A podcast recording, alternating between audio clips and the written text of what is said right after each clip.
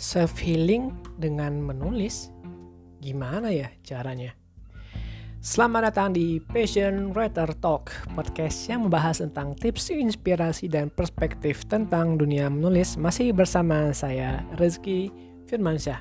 Dan kali ini, di podcast ke-20 dari 30 Days Podcast Challenge, kita akan bahas tentang self healing dengan nulis.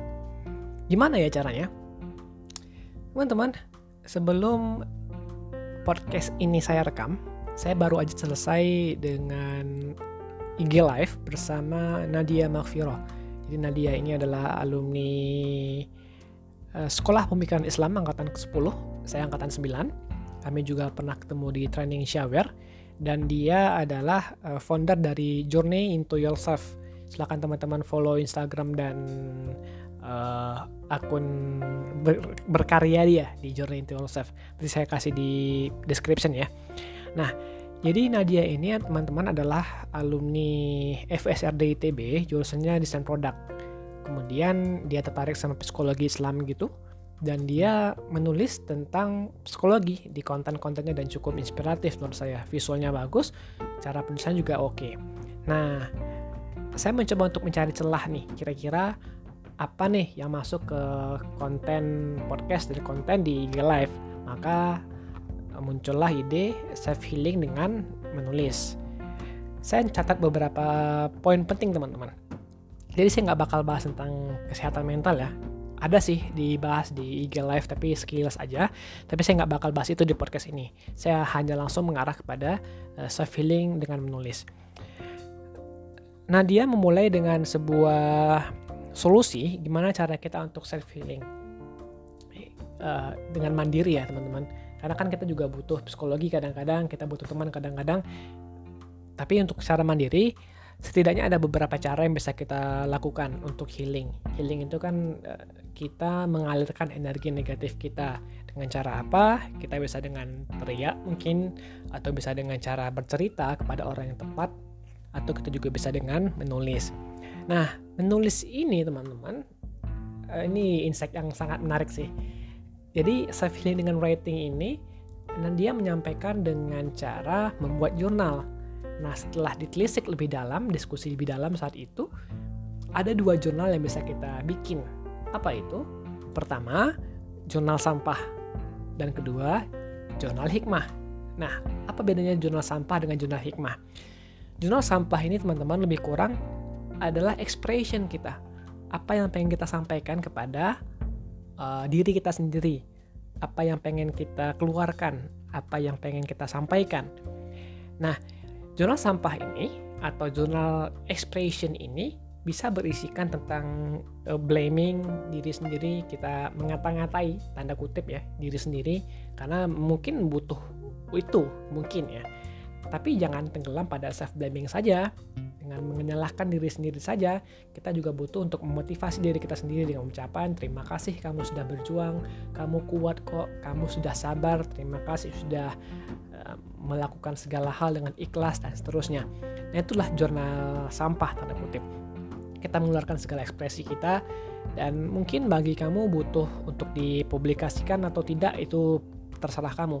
Kalau Nadia sendiri tidak dia membuat ini di platform online tertentu di Tumblr tapi dia nggak menyebutkan Tumblrnya apa nama akunnya. Tapi yang jelas dia mempublikasikan ini. Tapi nggak dikatakan sama orang lain hanya sekedar publish doang. Uh, itu jurnal sampah. Dan kedua adalah jurnal hikmah.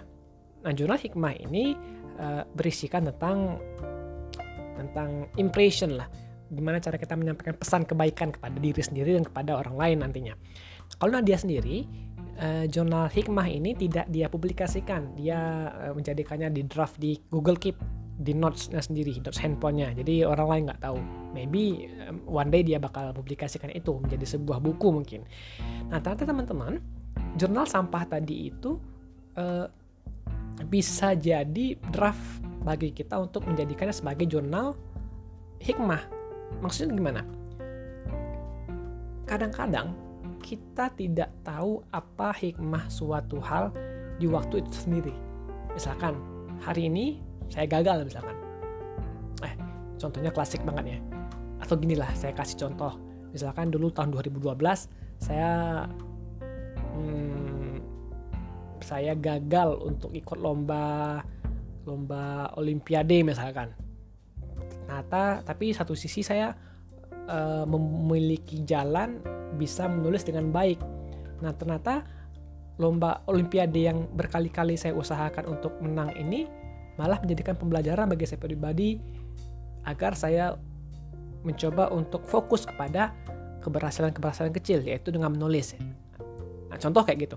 Nah, kalau dulunya saya nggak pekat sama hal kayak gitu, mungkin saya memaksakan untuk mengambil jalan yang saya nggak suka atau atau mungkin jalan yang prestis bagi orang lain tapi saya nggak nyaman.